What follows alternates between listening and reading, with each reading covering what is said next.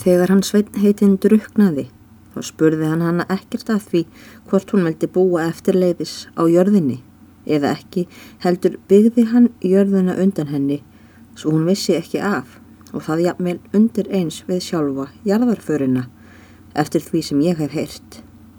Og þá tók hann um leið úrvalið úr ánum hennar upp í skuld sem hann hvaðist eiga inn í dánarbúi bróður síns.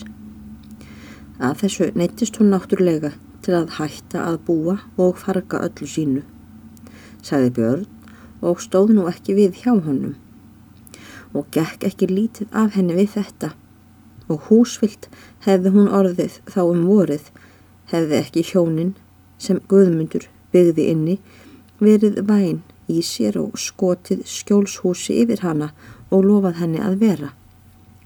Þetta hef ég oft hér talað um. Svona reyndist hann henni fyrir og síðar og hafa flestir lagt honum það ítla út. Björn þagnaði og aðalstein svaraði engu orði. Síðan ganga þeir til sjónarhóls er var skamt frá og er aðalstein óglaður mjög. Á leiðinni þangað kemur Björn að máli við aðalstein og segir að þeir skuli nú fara að rýfa kofan og stækka eins og hann hafði talað um áður. Og ætlast Björn til að þannig skuli rætast af félaga hans. En aðalsteinn tekur því döflega og hvaðist ekki þóra að líta nætt af fjennu. Þegar þeir koma til kofans sáu þeir bók og réttfung aðalsteins liggja á tvístringi fyrir utan kofan, sitt í hverri áttunni og var auðséð að því hafði verið fleikt út af ómildri hendi. Var pappirinn orðin blöytur og ónýtur allt blekið úr byttunni og bókinn skemmt. Þykir aðalsteini nú enn bætast af mótlætið fyrir sér.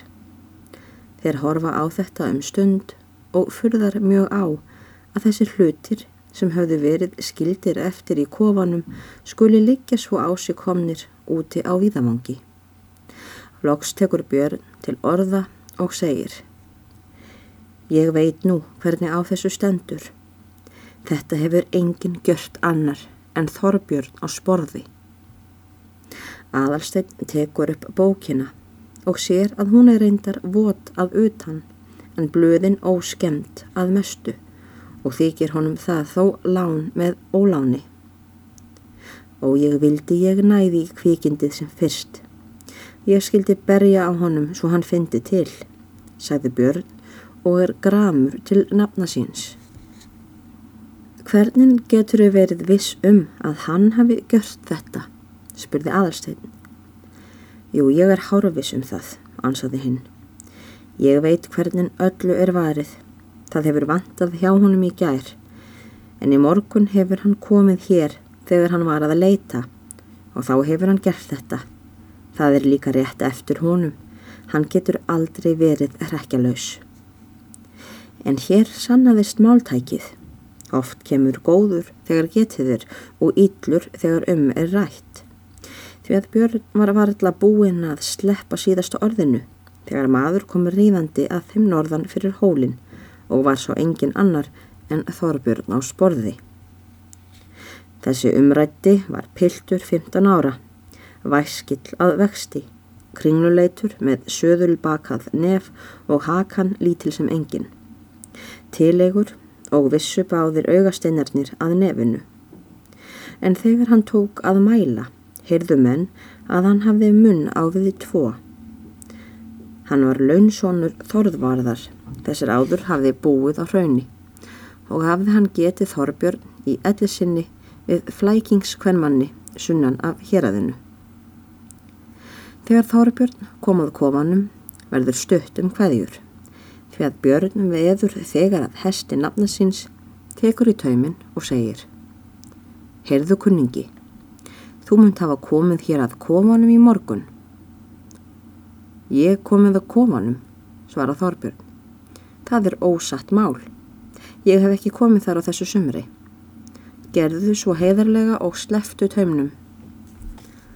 Og þú hefur vist komið að komanum, svaraði Björn og hjælt enn í tauminn til þess að hafa ráð nafna síns í hendi sér ef á lægi og þú hefur skemmt bæði bók og skriffæri fyrir drengnum sem ekkert hafði gert á hluta þinn. Hverju svarar þau til þess, sagði Björn og hvesti röddina. Ég svara því að þú lígur því eins og þú ert langur til, ansaði Þorbjörn og satt kér á hessbæki, með því honum þótti ekki betur en svo friðvanlegt þar á flutinni þar sem hann enn sá leifarnar af hattinum sínum og vestinu. Síðan bætti hann við. Þú þarft ekki að vera svo digur rómaður þó þú sért undan henni helgu sköllottu sem átt rossaketið eins og smér. Skal ég berja þig frá hestinum ef þú sleppir ekki taumnum. En það er ljótt af þér að svara yllu um ef þú hefur gert þetta, mælti aðalsteinn. Það getur líka varðla verið að nokkur annar en þú hafur verið hér á ferð í morgun. Ég gegni þér nú ekki sveitar kvikindi þitt, svaraði Þorbjörn um leið og hann leið við og fóru þá augasteinarnir fast á nefinu. Síðan bætti hann við. Ég virði þið nú ekki fremur en hver annar hundur. Þeir Björn og Adalstein leitu hvor framann í annan og brostu að þessu óheppilega mismæli Þorbjarnar og átti hann einat vanda til slíkra mismæla, ekki síst ef honum rann í skap. Heyrðuðu Þorbjörn, áttu ekki hérna alltaf hatt og vesti síðan í fyrrasumar, sagði aðalsteinn við Þorbjörn í glettu. Viltu ekki taka það heim með þér ef þú átt það? Þorbjörn síndist verða kvumsa sem snöggvast. Hann vildi ekki látast minnast á þessa viðurögn sem hann hafði beðið að lægra hlut í, en það helt hún var í glemt fyrir löngu. Lóksins svaraði hann. Ó nei, ég held ég verði að gefa þér það fyrir pappirinn. Þá viður kennirðu að þú hafið skemmt hann fyrir mér, saði aðalsteinn. Nei, ég skal aldrei viður kenna það þó að þið drepið mig, saði Þorbjörn og er nú fók reyður. En ég byrð þig nú að þeia aðarstill litli. Þér er næra að hugsa um hann föður þinn sem var mest í svóli hér í dalnum og barði konuna sína og dró hann á hárinu. Já, kunningi, það er ekki gott að glettast við mig. Ég þóri að bjóða þér út. Þorbjörn, kjóstu nú annað hvort. Kannastu við það sem þú hefur gert eða þú skallt fá sömu útreiðina og í fyrra, sagði nú Björn og hjælt í taumin með annari hendi en stutti hinni upp á makkan á hestinum og syndist líklegur til að þrýfa til nafna síns og svifta honum niður af hestinum ef orðinu hallaði úr þessu. En Þorbjörn mun hafa haft slæman grunn Hann slæri nú í hestinu með svipinu allt í einu svo að hesturinn tekur snögt viðbrað en Björn missir taumsins og heldur honum við falli. Óðar en Þorbjörn er laus og komin fá að faðma þaðan, snýr hann hestinum við og segir Á svei, þið höfðið ekki ábat hann af því. Náðu þið mér nú ef þið getið. Aðs fór mæltu rak hann upp skelli hlátur, keirði hestin og reið sína leið. Byrni þótti súrt í brotið að verða að sjá þannig og eftir nafna sínum. Honum var þetta að orðum.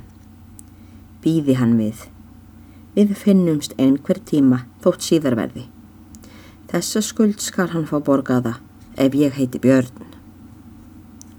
Honum gramdist að hafa mist Þorbjörn undan sinni föðurlegu hýrtingu. Þegar aðalsteinn kom heim um kvöldið voru ærnar fundnar, þær er vant að hafði í þókunni kvöldið áður. Hafði einar komið heim með þær skömmu eftir það er aðalsteinn var farin með fjennu um morgunin og voru hafðar heima við um daginn. Aðalsteinn heldur áfram að setja hjá og vantar ekki hjá honum eftir þetta, því hann varaði sig betur á þókunni.